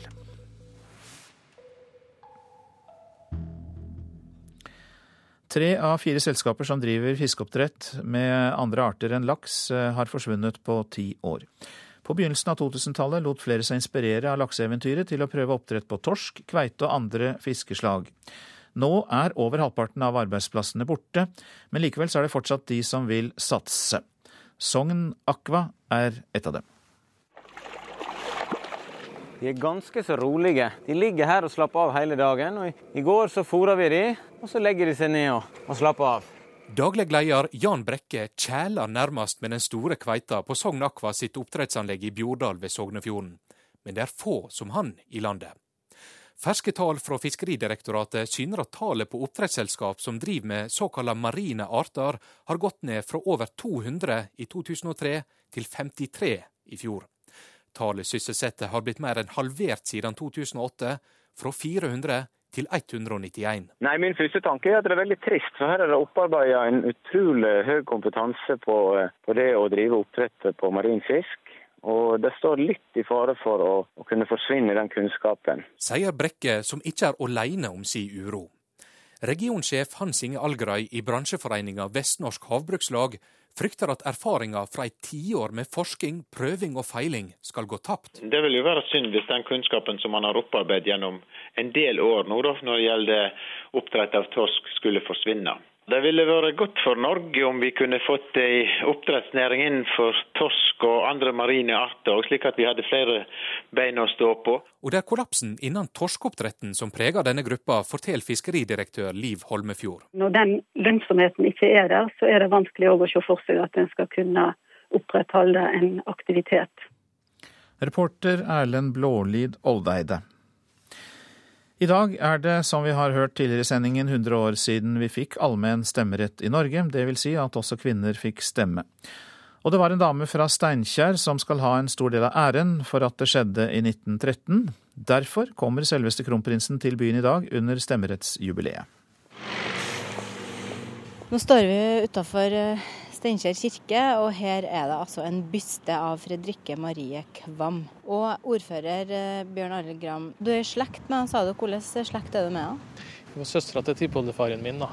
Gammeltanta til farfar. ja. ja. Er dere like? Nei, det vet jeg ikke. vet jeg ikke. det er jo satt litt fokus på det at kvinnfolkene er liksom ikke nevnt i historien, og hun er en av dem. Ja, ikke sant. Det er jo litt gjennomgående kanskje at mange sterke kvinner har fått en beskjeden plass i historien. Hun har jo nesten ikke fått noen plass i hele tatt. Jeg er veldig glad for at vi har fått en anledning, nå ikke minst med stemmerettsjubileet, til å løfte henne fram. Fått egen biografi osv. Det tror jeg gjør at mange flere blir kjent med det storverket som hun sto bak. Og hvorfor Fredrikke Marie Kvam har blitt nesten usynlig i norgeshistorien, må vi ta senere. For storverket ordføreren snakker om er mye viktigere å nevne.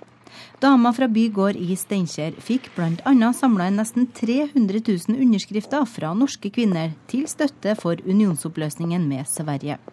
En demonstrasjon mot at kvinner ikke hadde stemmerett da, og et viktig skritt i kampen for kvinners stemmerett. I tillegg var hun Norske kvinners sanitetsforenings første leder, og leda også Landskvinnestemmerettsforeninga. Hvor mye betyr det at eh, kronprinsen eh, kommer hit da?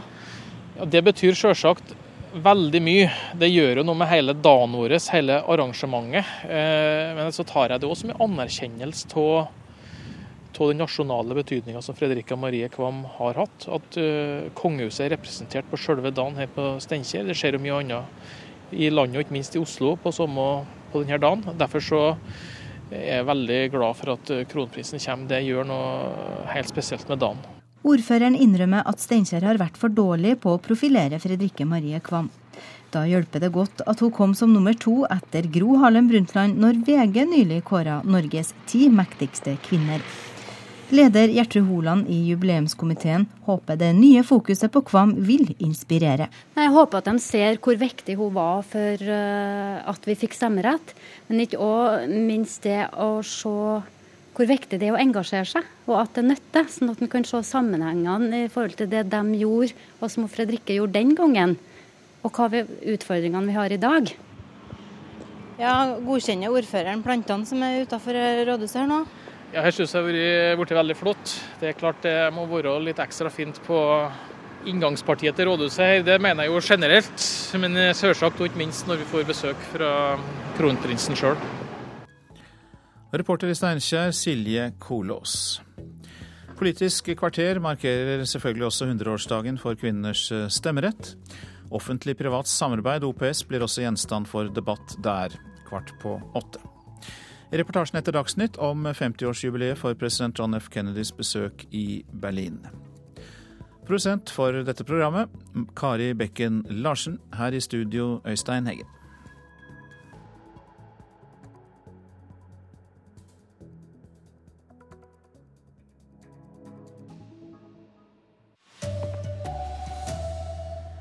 Bare 27% av listetoppene til stortingsvalget er kvinner.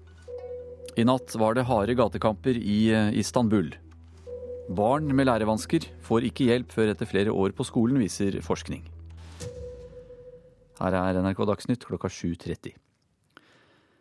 Det er eh, færre kvinner øverst på stortingsvalglisten i år enn ved valget for fire år siden. Ferske tall viser at andelen kvinnelige toppkandidater har sunket med fire prosentpoeng i dag er det 100 år siden kvinner fikk allmenn stemmerett her i landet. Og vi har spurt eh, kvinner på gata om hvorfor kvinner er underrepresentert på valglistene. Syns vel kanskje det er litt dårlig. Jeg tror at eh, kvinner engasjerer seg mer hjemme. Nei, jeg tror, jeg tror faktisk det. Jeg mistenker at det er litt gutteklubb, altså. Kun 27,5% av listetoppene før høstens stortingsvalg er kvinner. Det viser tall fra Kommunal- og regionaldepartementet og SSB. Kvinneandelen blant listetoppene har sunket med fire prosentpoeng. Det er ikke godt nok. Eh, vi har en vei å gå. Sier kommunal- og regionalminister Liv Signe Navarsete. Hun tror flere kvinnelige ordførere er veien å gå. For de vil òg eh, være de som kanskje rekrutterer til å bli listetopper ved stortingsvalget om fire år. Navarsetes parti Senterpartiet er sammen med Ap best blant de politiske partiene. Verst i klassen er Frp, vi bryr oss ikke om statistikken, sier stortingsrepresentant Mette Hanekamhaug. Eh, vi i Fremskrittspartiet er opptatt av å til enhver tid ha de beste kandidatene på listene. Om det er kvinner eller menn, eh, menn, det er ikke noe vi tenker på eller bekymrer oss over. Valgforsker Toril Aalberg tror den lave kvinneandelen skyldes interne maktspill i partiene. Eh, og hvor det da ofte er en tendens til at det er en mannlig kandidat som, som da blir å toppe listene, og så kommer, kommer den øverste kvinnelige kandidaten på andreplass. Reporter her, det var Andreas Meyer Eide. Kvinner må ta makt over eiendommer, bedrifter og penger. Det mener eh, unge profilerte kvinner innenfor politikk og næringsliv som NRK har snakket med. De formelle rettighetene er på plass, og nå gjelder det for kvinner å gripe makta over penger og materielle verdier. Den økonomiske makten er formidabel. Det neste kvinneprosjektet bør være at eh, kvinner tar mer ansvar for privatøkonomien. De ser ulikt på kvinnekampen men på forskjellig vis går ett tema igjen økonomisk makt. Enten det gjelder privatøkonomi, bedriftseierskap eller eiendom. Det tas avgjørelser i styrerom i næringslivet i Norge som påvirker mange menneskers liv. Sier lederen i ungdomspartiet til KrF, Elisabeth Løland. Hun mener den neste store kvinnekampen gjelder fordeling av makt. Da kommer en ikke utenom økonomiske ressurser. Og det at eh, også den kvinnelige delen av befolkningen er representert der og har den typen makt, det er viktig. Et annet område er familieøkonomien. Det er ofte kvinnen som sitter igjen som den økonomiske taperen. Sier Silje Sandmæl, ung profilert forbrukerøkonom i DNB. Kvinner de velger gjerne yrker som gir en mindre inntekt enn det mennene velger. Og i tillegg velger de også å jobbe deltid eller være hjemme med barn. Og dette er noe kvinner bør tenke mye mer på. Reportere Håvard Grønli og Hedvig Bjørgum. Tolv år gamle Neda Ibrahim og familien hennes er nå i ferd med å bli sendt ut av landet. Neda har gitt asylbarn i Norge et ansikt etter å ha bodd her i over ti år. I natt ble familien hentet av politiet på asylmottaket på Dale utenfor Sandnes i Rogaland. De sendes ut fordi faren skal ha oppgitt feil identitet. Så til eh, Tyrkia. I hovedstaden Ankara var det i natt eh, opptøyer. Også i Istanbul var det gatekamper mellom demonstranter og politiet.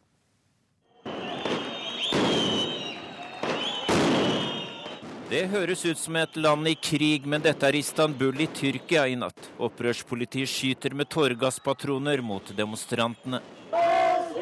Over! En gruppe demonstranter roper slagord mot politiet og regjeringen, men de nøyer seg ikke med det. Flere av dem kaster molotov-cocktails, en form for hjemmelagde brannbomber, mot politiet, som svarer med vannkanoner og mer tåregass. Det har pågått voldsomme gatekamper i Istanbul i natt. Også i hovedstaden Ankara har politiet brukt tåregass og vannkanoner. I elleve døgn har Tyrkia vært preget av heftige demonstrasjoner. Aktivistene begynner å få gjennom noen av kravene sine.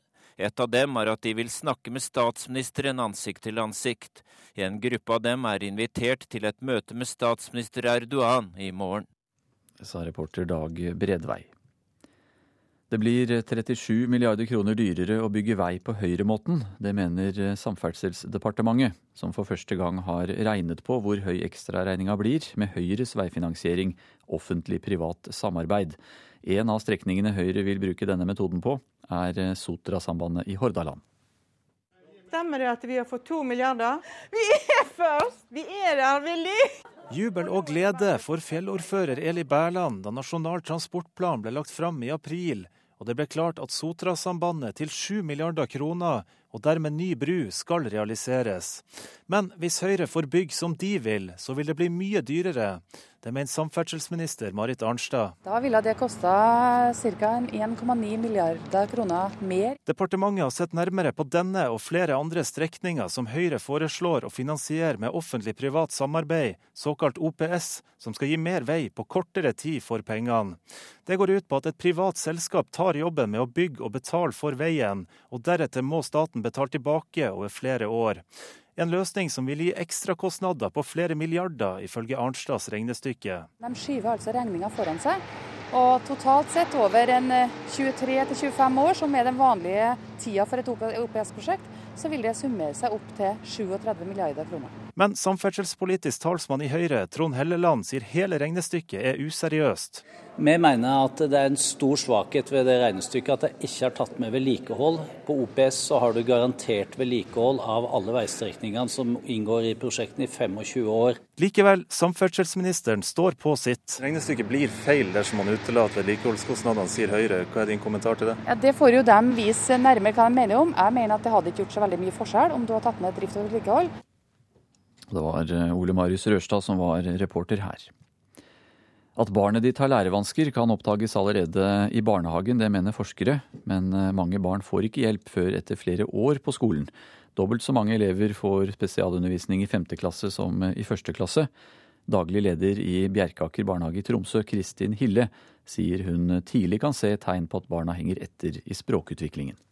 Vi ser jo fra de er helt små i barnehagen, fra før de er ett år, ser vi gjerne hvordan de bruker språket sitt. En kan avdekke at barn har risiko for å ha dysleksi allerede når ungene er fem år gamle. Da viser forskninga til professor Turi Helland ved Universitetet i Bergen. Nei, de resultatene viser at dette skal vi gripe fatt i veldig tidlig. Og treningen som vi ga disse barna fra siste år i barnehagen og de to første årene på skolen, viser også at trening nytter. Men sjøl om barna kan bli oppdaga som små, får de ofte ikke hjelp før etter flere år på skolen.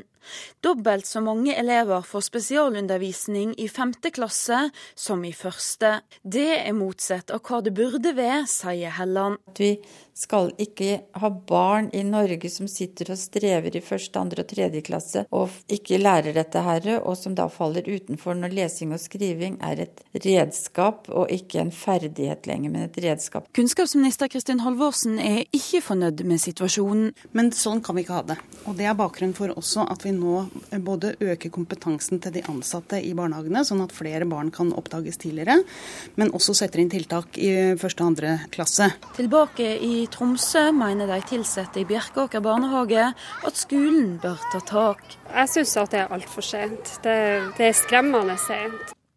Reporter Stine Homedal. Så skal det handle om friidrettens superstjerne Usain Bolt. Han kan ikke få fullrost Bislett stadion. Dette er en av mine favorittbaner, sier Bolt foran Diamond League-stevnet på torsdag. It's among the best I, have ever been around. It's wonderful. It's full of energy. I always like coming here. That's why I come back here every year. So for me, it's just a wonderful experience. Jeg liker å være her, derfor kommer jeg alltid tilbake, sier verdens raskeste mann, som elsker den norske fansen og hovedstaden. Uh, the fans always give me a lot of love. Uh, it's just a wonderful city, so I really enjoy coming here. I går kveld ankom Bolt Oslo sentrum, og det er en revansjelysten Bolt som stiller på Bislett for tredje gang på rad. Denne gang på 200 meter. Forrige uke ble det bare andreplass på Bolt i Roma. Gatlin vinner faktisk tap for Usain Bolt på 100 meter. Bolt mener selv han trenger tid til å komme i form etter en lårskade tidligere i sesongen. Målet er å være 100% klar til VM i august. Really injury, sure Reporter her, det var Anders eh, Engeland. Det er Gro Arneberg som har ansvaret for Dagsnytt eh, i dag. Hanne Lunås eh, er teknisk ansvarlig. Jeg heter eh, Anders Borgen Werring.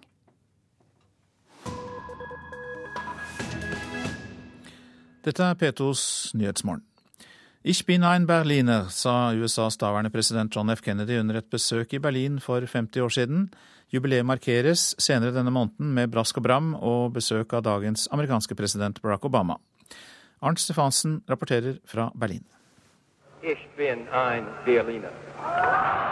Du har hørt ordene utallige ganger. Jeg er en berliner, sa John F. Kennedy i en tale foran rådhuset i Vest-Berlin. Men hva mente han egentlig? For USAs tidligere president var da verken født eller bosatt i Berlin. Vi werden auf jede Frage eine Antwort finden. Vesten holdt pusten etter delingen av Berlin, men signalet fra USA og andre vestlige land var klart. Vi vil ikke risikere en atomkrig pga. delingen av Berlin. Men vestlige ledere understreket at de ville forsvare Vest-Berlin, en øy av frihet i et hav av kommunisme, med alle midler. Dette var situasjonen da USAs president John F. Kennedy holdt sin berømte tale i Vest-Berlin i juni 1963. Jeg kjenner ingen by som har vært beleiret i 18 år, og som har beholdt håpet, besluttsomheten og livskraften på en slik måte som Vest-Berlin, sier den amerikanske presidenten til voldsom jubel fra en stor menneskemengde.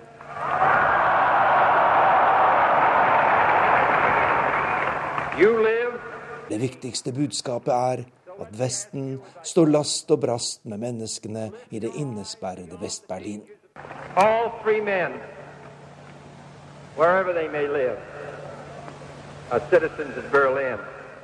Alle frie mennesker, uansett hvor de lever, er borgere av Berlin. Og derfor, som et fritt menneske, er jeg stolt av å kunne si ordene 'Jeg er en berliner', sa Kennedy. De fire tyske ordene hadde han øvd seg på inne på kontoret til byens daværende borgermester Willy Brandt.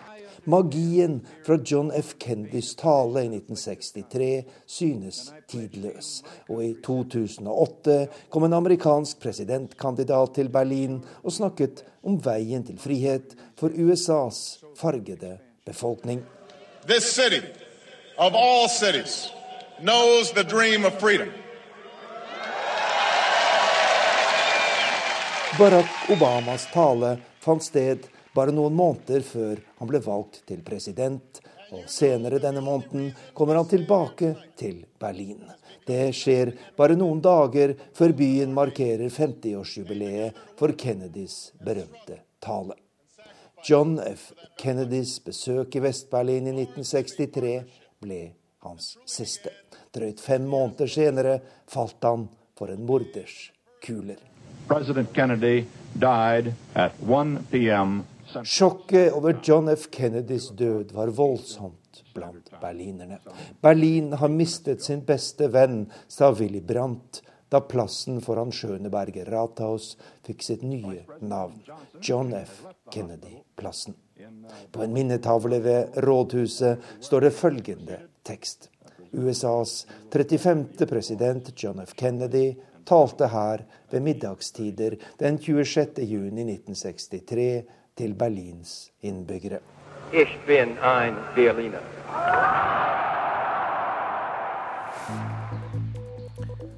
Dette er P2s Nyhetsmorgen, og vi har disse overskriftene i dag. 37 milliarder kroner dyrere å bygge veier på høyremåten, mener Samferdselsdepartementet. Useriøst regnestykke, svarer Høyre. Bare 27% av listetoppene til stortingsvalget er kvinner. Nye kraftige opptøyer i Tyrkia i natt. I hovedstaden Ankara og i Istanbul tok politiet i bruk tåregass og vannkanoner for å spre demonstrantene. I dag holder altså Stortinget en storstilt feiring av 100-årsdagen for kvinners allmenne stemmerett, og likestilling er tema i Politisk kvarter, programleder Bjørn Bø. Hva er neste steg i kvinnekampen, spør vi. Og rådyrt med Høyres veipolitikk, mener samferdselsministeren.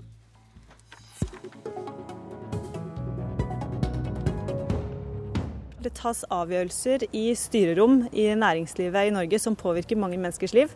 Og det at eh, også den kvinnelige delen av befolkningen er representert der og har den typen makt, det er viktig.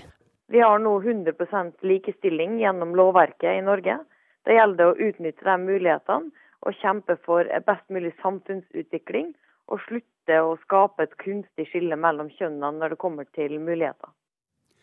Leder i Kristelig Folkepartis Ungdom Elisabeth Løland og Fremskrittspartiets Mette Hanekamhaug var det om 100-årsjubileet for kvinners allmenne røysterett. Likestillingsminister Marte, Inga Marte Torkelsen, hvor fullført er jamstillinga mellom kjønna på denne dagen? Ikke i det hele tatt. På alle samfunnsområder så er det en vei igjen å gå. Jeg er ikke sånn millimeterrettferdighet eh, opptatt, sånn som det har vært litt sånn på 70-tallet. Jeg snakka med mamma om det her for ikke så veldig lenge siden. Eh, vi er ikke der i dag. Men hvis vi går gjennom statistikken på alle samfunnsområder, så ser vi at det er en lang vei igjen. Hva er neste steg, da, slik du ser det? Nei, eh, neste steg er to saker jeg vil trekke fram. Det ene dreier seg om fortsatt muligheten og retten til å kunne forsørge seg selv for alle kvinner i Norge. Eh, og at vi skal være like naturlige eh, arbeidstakere og like naturlig interessert i egen karriere som menn er, og vice versa at menn skal være like naturlige omsorgspersoner for sin familie og sine barn som det kvinner blir sett på som. Og Den andre saken jeg vil trekke fram, er kampen mot vold mot kvinner i alle dets former. Fra tvangsekteskap og æresdrap til eh, vold i hjemmet, eh, til eh, seksuell mm. trakassering og trakassering av kvinner som ytrer seg i det offentlige rom. Hvor har det blitt av sekstimersdagen? Ja, Den eh, er jo også oppe til debatt for tida, bl.a. fordi at eh, det er viktig å diskutere hvordan eh, vi skal unngå at kvinner som velger å gå ned i deltid, eller som er nødt til å jobbe deltid, ender opp som minstepensjonister eller tapere på arbeidsmarkedet. Så det er helt naturlig at vi også diskuterer arbeidstidsreformer.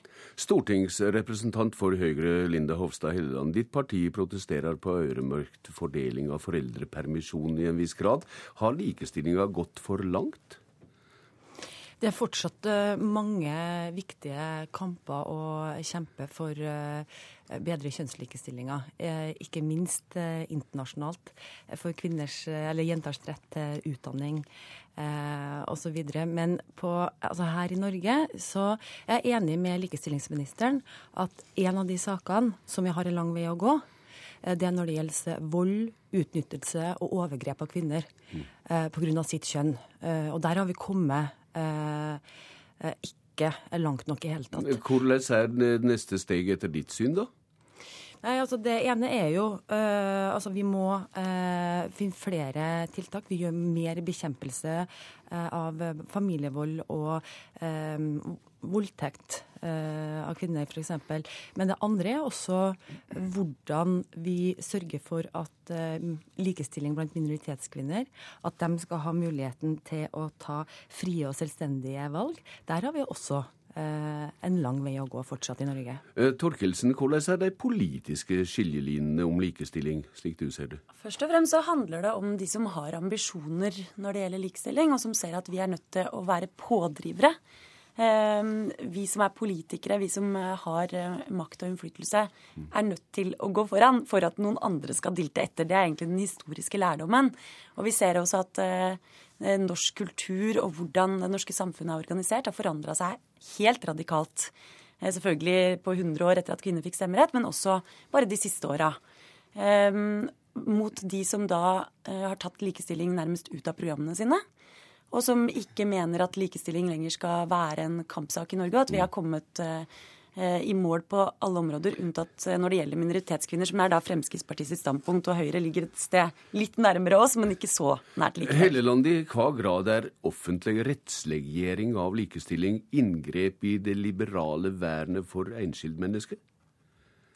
Altså, Høyre har fortsatt uh, tro på at uh, vi uh, må sette inn tiltak for å bedre likestillinga. Men det er ikke sånn at vi tror at kvotering eller bruk av loven er eneste veien til målet. Like mye handler det om holdninger. Og jeg syns det er litt synd at likestillingsministeren bruker dagen i dag på karakteristikker av andre partier, framfor å se på hva er det vi kan gjøre for å bli enige. For vi er enig i veldig mye av målene, så er vi litt uenig i virkemidlene. Og Venstre har nettopp lagt fram noen forslag med, med 17 tiltak til å bedre likestillinga. Høyre har nå til behandling i uka her 16 forslag til å bedre likestillinga, både knytta til arbeidsliv, eh, knytta til eh, bedre likestillinga mot eh, minoritetskvinner. Og det Alle de forslagene stemmer de rød-grønne imot. Og når vi snakker nå om næringslivet, så er det litt interessant at den første kvinnelige stortingsrepresentanten, hun var fra Høyre. Hun kom i 1922. Det var Karen Plato. I tillegg til å være et forbilde og være en kvinneforkjemper, så var hun også gründer. Hun var selvstendig næringsdrivende. Eh, og jeg tror det er jo viktig å ha kvinnelige forbilder. Eh, gode kvinnelige eh, rollemodeller. Og en av de sakene som også Høyre er opptatt av nå, er hvordan vi skal gjøre det lettere for kvinner å etablere egen virksomhet. At ikke det skal bare være offentlig sektor som er eneste på en måte alternativet, men, men at flere kvinner skal over i næringslivet. Samferdselsminister Marit Arnstad, du er også her. I Nyhenda i dag har vi hørt unge kvinners tanker om at makt over styrerom og økonomi i smått og stort er neste steg. Du har brei rønsle fra styret i det tyngste næringslivet. Hvor viktige er styreroma for kvinners likestilling?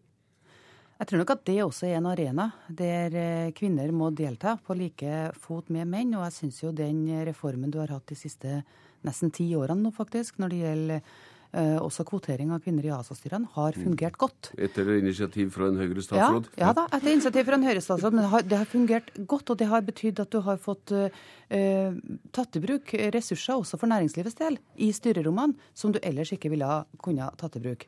Så tror jeg styrerommene er viktig, men jeg tror like viktig er det etter hvert at bedriftene også er flinke til å bidra til å utvikle kvinner i topplederstillinger. Mm. Der er det skeivere kjønnsdeling enn det det er i styrerommene per i dag.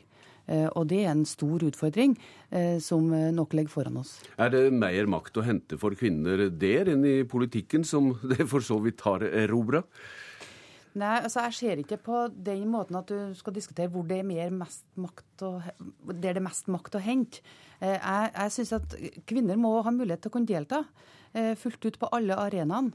Eh, og politikken var en arena du kjempa for i 80-tallet og 90-tallet. Eh, så kom styrerommene, eh, og så tror jeg også det å gå inn i topplederstillingene i næringslivet etter hvert blir en viktig kamp framover. Inga Marte Torkelsen, det skimter med teiken til den gamle kampen om produksjonsmidler, også i likestillingstrevet? Ja, den fortsetter jo, den også. Men det som i hvert fall er helt sikkert, er at hvis vi bremser på likestilling og på ambisjoner, så er det veldig fort gjort at vi får eh, backlash. Og det viser altså historien at vi er nødt til å drive fram dette. Dette er ikke noe som skjer av seg sjøl. Det har det aldri gjort. Likestilling har vi oppnådd bare gjennom at det har vært noen som har vært villige til å kjempe. Og i dag så bør vi jo tenke på de som virkelig sto på for at vi skulle få stemmerett og få muligheten til å påvirke det samfunnet vi lever i i dag, og den friheten som vi nyter godt av. Men det har jo vært pionerer hele veien. Og jeg er opptatt av at eh, om 20-30 eh, år, da, når våre barn skal se seg tilbake og se hva var det vi brukte våre muligheter til, hva var det vi gjorde, så kommer de mest sannsynlig i hvert fall ikke til å tenke at ja, det var jammen bra hvert fall at de fjerna fedrekvoten, og det var jammen bra at de fikk færre kvinner inn i styrerommene, og at vi eh, oppheva Ja. maksprisen Ja, i men barnehagen. når vi Liksom. På, når vi hører hva unge, unge kvinner sier nå, så er nettopp at nå står likestillingskampen eh, i næringslivet. Der må flere kvinner komme fram. Eh, og jeg er enig i at der har vi ting eh, mye, mye å gjøre. fordi at eh, nå viser det at seks av 206 toppledere i norske børsnoterte selskaper er kvinner. Ja, og, der, og der har jeg kunne ha ønska meg en offensiv regjering, ikke sant? Som gjør noe med maktmonopolet eh, som, eh, blant menn som fremdeles har fjellstøtt i Ja, norsk næringsliv. Arnstad, Og der, der har jeg eh, etterlyst flere ganger tiltak fra, fra Ja. regjeringa side. Eh, men, men, men dessverre så, så, så ser det ikke ut at de rød-grønne er noen pådriver der. Marit Arnstad, det var, du var også inne på dette. Altså, jeg er litt, litt forbeholden til å gjøre det en kamp mellom Høyre eller rød-grønne hvem som får kvinnelige ledere i topp børsnoterte selskap, for vi kan jo i alle fall ikke vedta det i det offentlige. Mm. Og jeg syns at i dag skal vi felles glede oss og anerkjenne det som har skjedd de siste årene. Det har skjedd mye hvert tiår. Dette blir det snakka mye mer om i dag. Takk til Inga Marte Torkelsen og Linda Hofstad Helleland. Marit Arnstad, du blir med videre.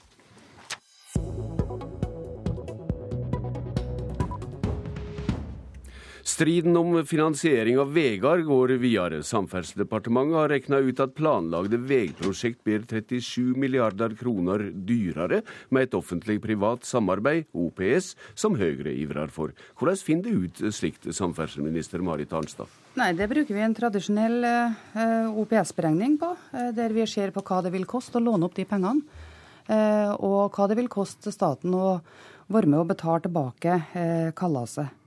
Og det er ikke noen sånn stor eh, eh, mystisk greie ved det. Beregninga baserer seg på eh, forutsetninger som jeg tror også Høyre nok sjøl legger til grunn når de beregner OPS. Altså det at du har en eh, 23-25 års løpetid eh, på et lån, at du har en 4-4,5% rente, og at du har en vanlig nedbetaling. Og Det er jo det som er det spesielle ved offentlig-privat samarbeid. At staten ikke betaler mens vi bygger, men at vi betaler så mye i årene etterpå, de neste 30 årene. Og da må vi selvsagt også betale renta, og det er dyrt. Samferdselstalsmann i Høyre Trond Helleland, i dag har vi hørt deg si at samferdselsministeren misbruker embetsverket til valgkamp. Hvorfor sier du det? Nei, Det er klart at eh, det nærmer seg valg, og, eh, og regjeringen begynner å bli desperate. Så de bruker tid og krefter nå på å snakke om vår politikk istedenfor å snakke om egen politikk. Men er det feil det de har regna ut? Ja, det er feil fordi de ikke regna inn vedlikeholdskostnader. Hele poenget med OPS, et av de viktige poengene, er jo at du får en eh, ferdig vedlikeholdt vei i 25 år. Det er en del av kontrakta.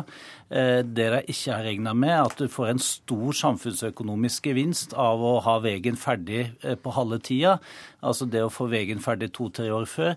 Det tredje de ikke er regna inn, som er utrolig viktig, det er jo at hvis det blir kostnadssprekk, og det er vi jo vant med at det ofte blir på samferdselsprosjekt i Norge, så er det entreprenøren som må betale det, og ikke bilistene eller, eller departementet. Så det er veldig mange element som ligger inne her som eh, departementet ikke har tatt høyde for. Så det, det jeg hadde håpa på, var at når de i hvert fall skulle dissekere vår modell, så burde de kunne også ta med de positive elementer, men det har de fullstendig utelatt. De tar kun det som gir eh, negativ effekt. Ja, Arnstad, Høyres argument om raskere utbygging og tryggere vedlikehold er gjerne fristende gode. Ja, men i dag bygger vi offentlig prosjekt eh, nesten like raskt som det du har bygd eh, OPS-prosjekt tidligere. Altså Bygginga langs Mjøsa tar er, er like, nesten like rask som det du gjorde Grimstad-Kristiansand.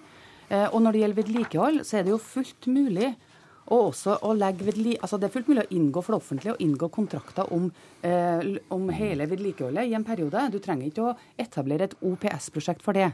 Vårt poeng er at Høyre må tåle å se regninga for de investeringskostnadene som et offentlig-privat samarbeid utgjør. Og Det er det investeringskostnadene vi har beregna, og det tallet er svært høyt.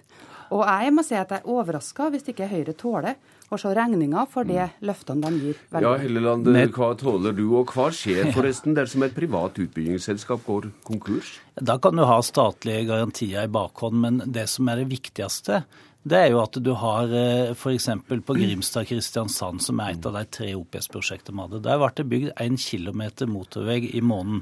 Det er altså det desidert raskeste vi har hatt. og det er, det er et veldig gode døme, det mener dere? Ja, det er et godt døme. Et, et døme på det motsatte er jo E18 gjennom Vestfold, som ble påbegynt nedenfor holdt på å si, huset mitt i Drammen. Så ble det påbegynt i år 2000. Fortsatt så, er, fortsatt så, er, ikke den veien gjennom Vestfold ferdig. Høyre ønsker å bygge sammenhengende strekninger. Vi ønsker å bygge, eh, slutte med den klattingen som vi har holdt på med i alle år. Og Da er OPS en veldig velegnet måte, for vi kan inngå store kontrakter og få bygd veien raskere. Arnstad, hvor interessant tror du disputten om finansiering er for velgere som hungrer etter bedre samferdsel? Det som er viktig for velgerne å være klar over, det er jo at det eneste som Høyre og Frp er enige om, er at de vil overby regjeringa. Men de er fundamentalt uenige om hvordan de skal betale gilde for de løftene de gir velgerne. Høyre vil altså ha en OPS som gir dyrere vei, mens Frp vil ha bompenger som kommer til å gi mindre vei, fordi du er nødt til å dekke så mye, bruke så mye penger på å dekke bompengegjeld til bompengeselskapene. Da fikk jammen eh, samferdselsministeren siste ord også, men dette får vi høre mer om utover i valgkampen. Politisk kvarter er slutt. Jeg heter Bjørn Bø. Hør flere podkaster på nrk.no podkast.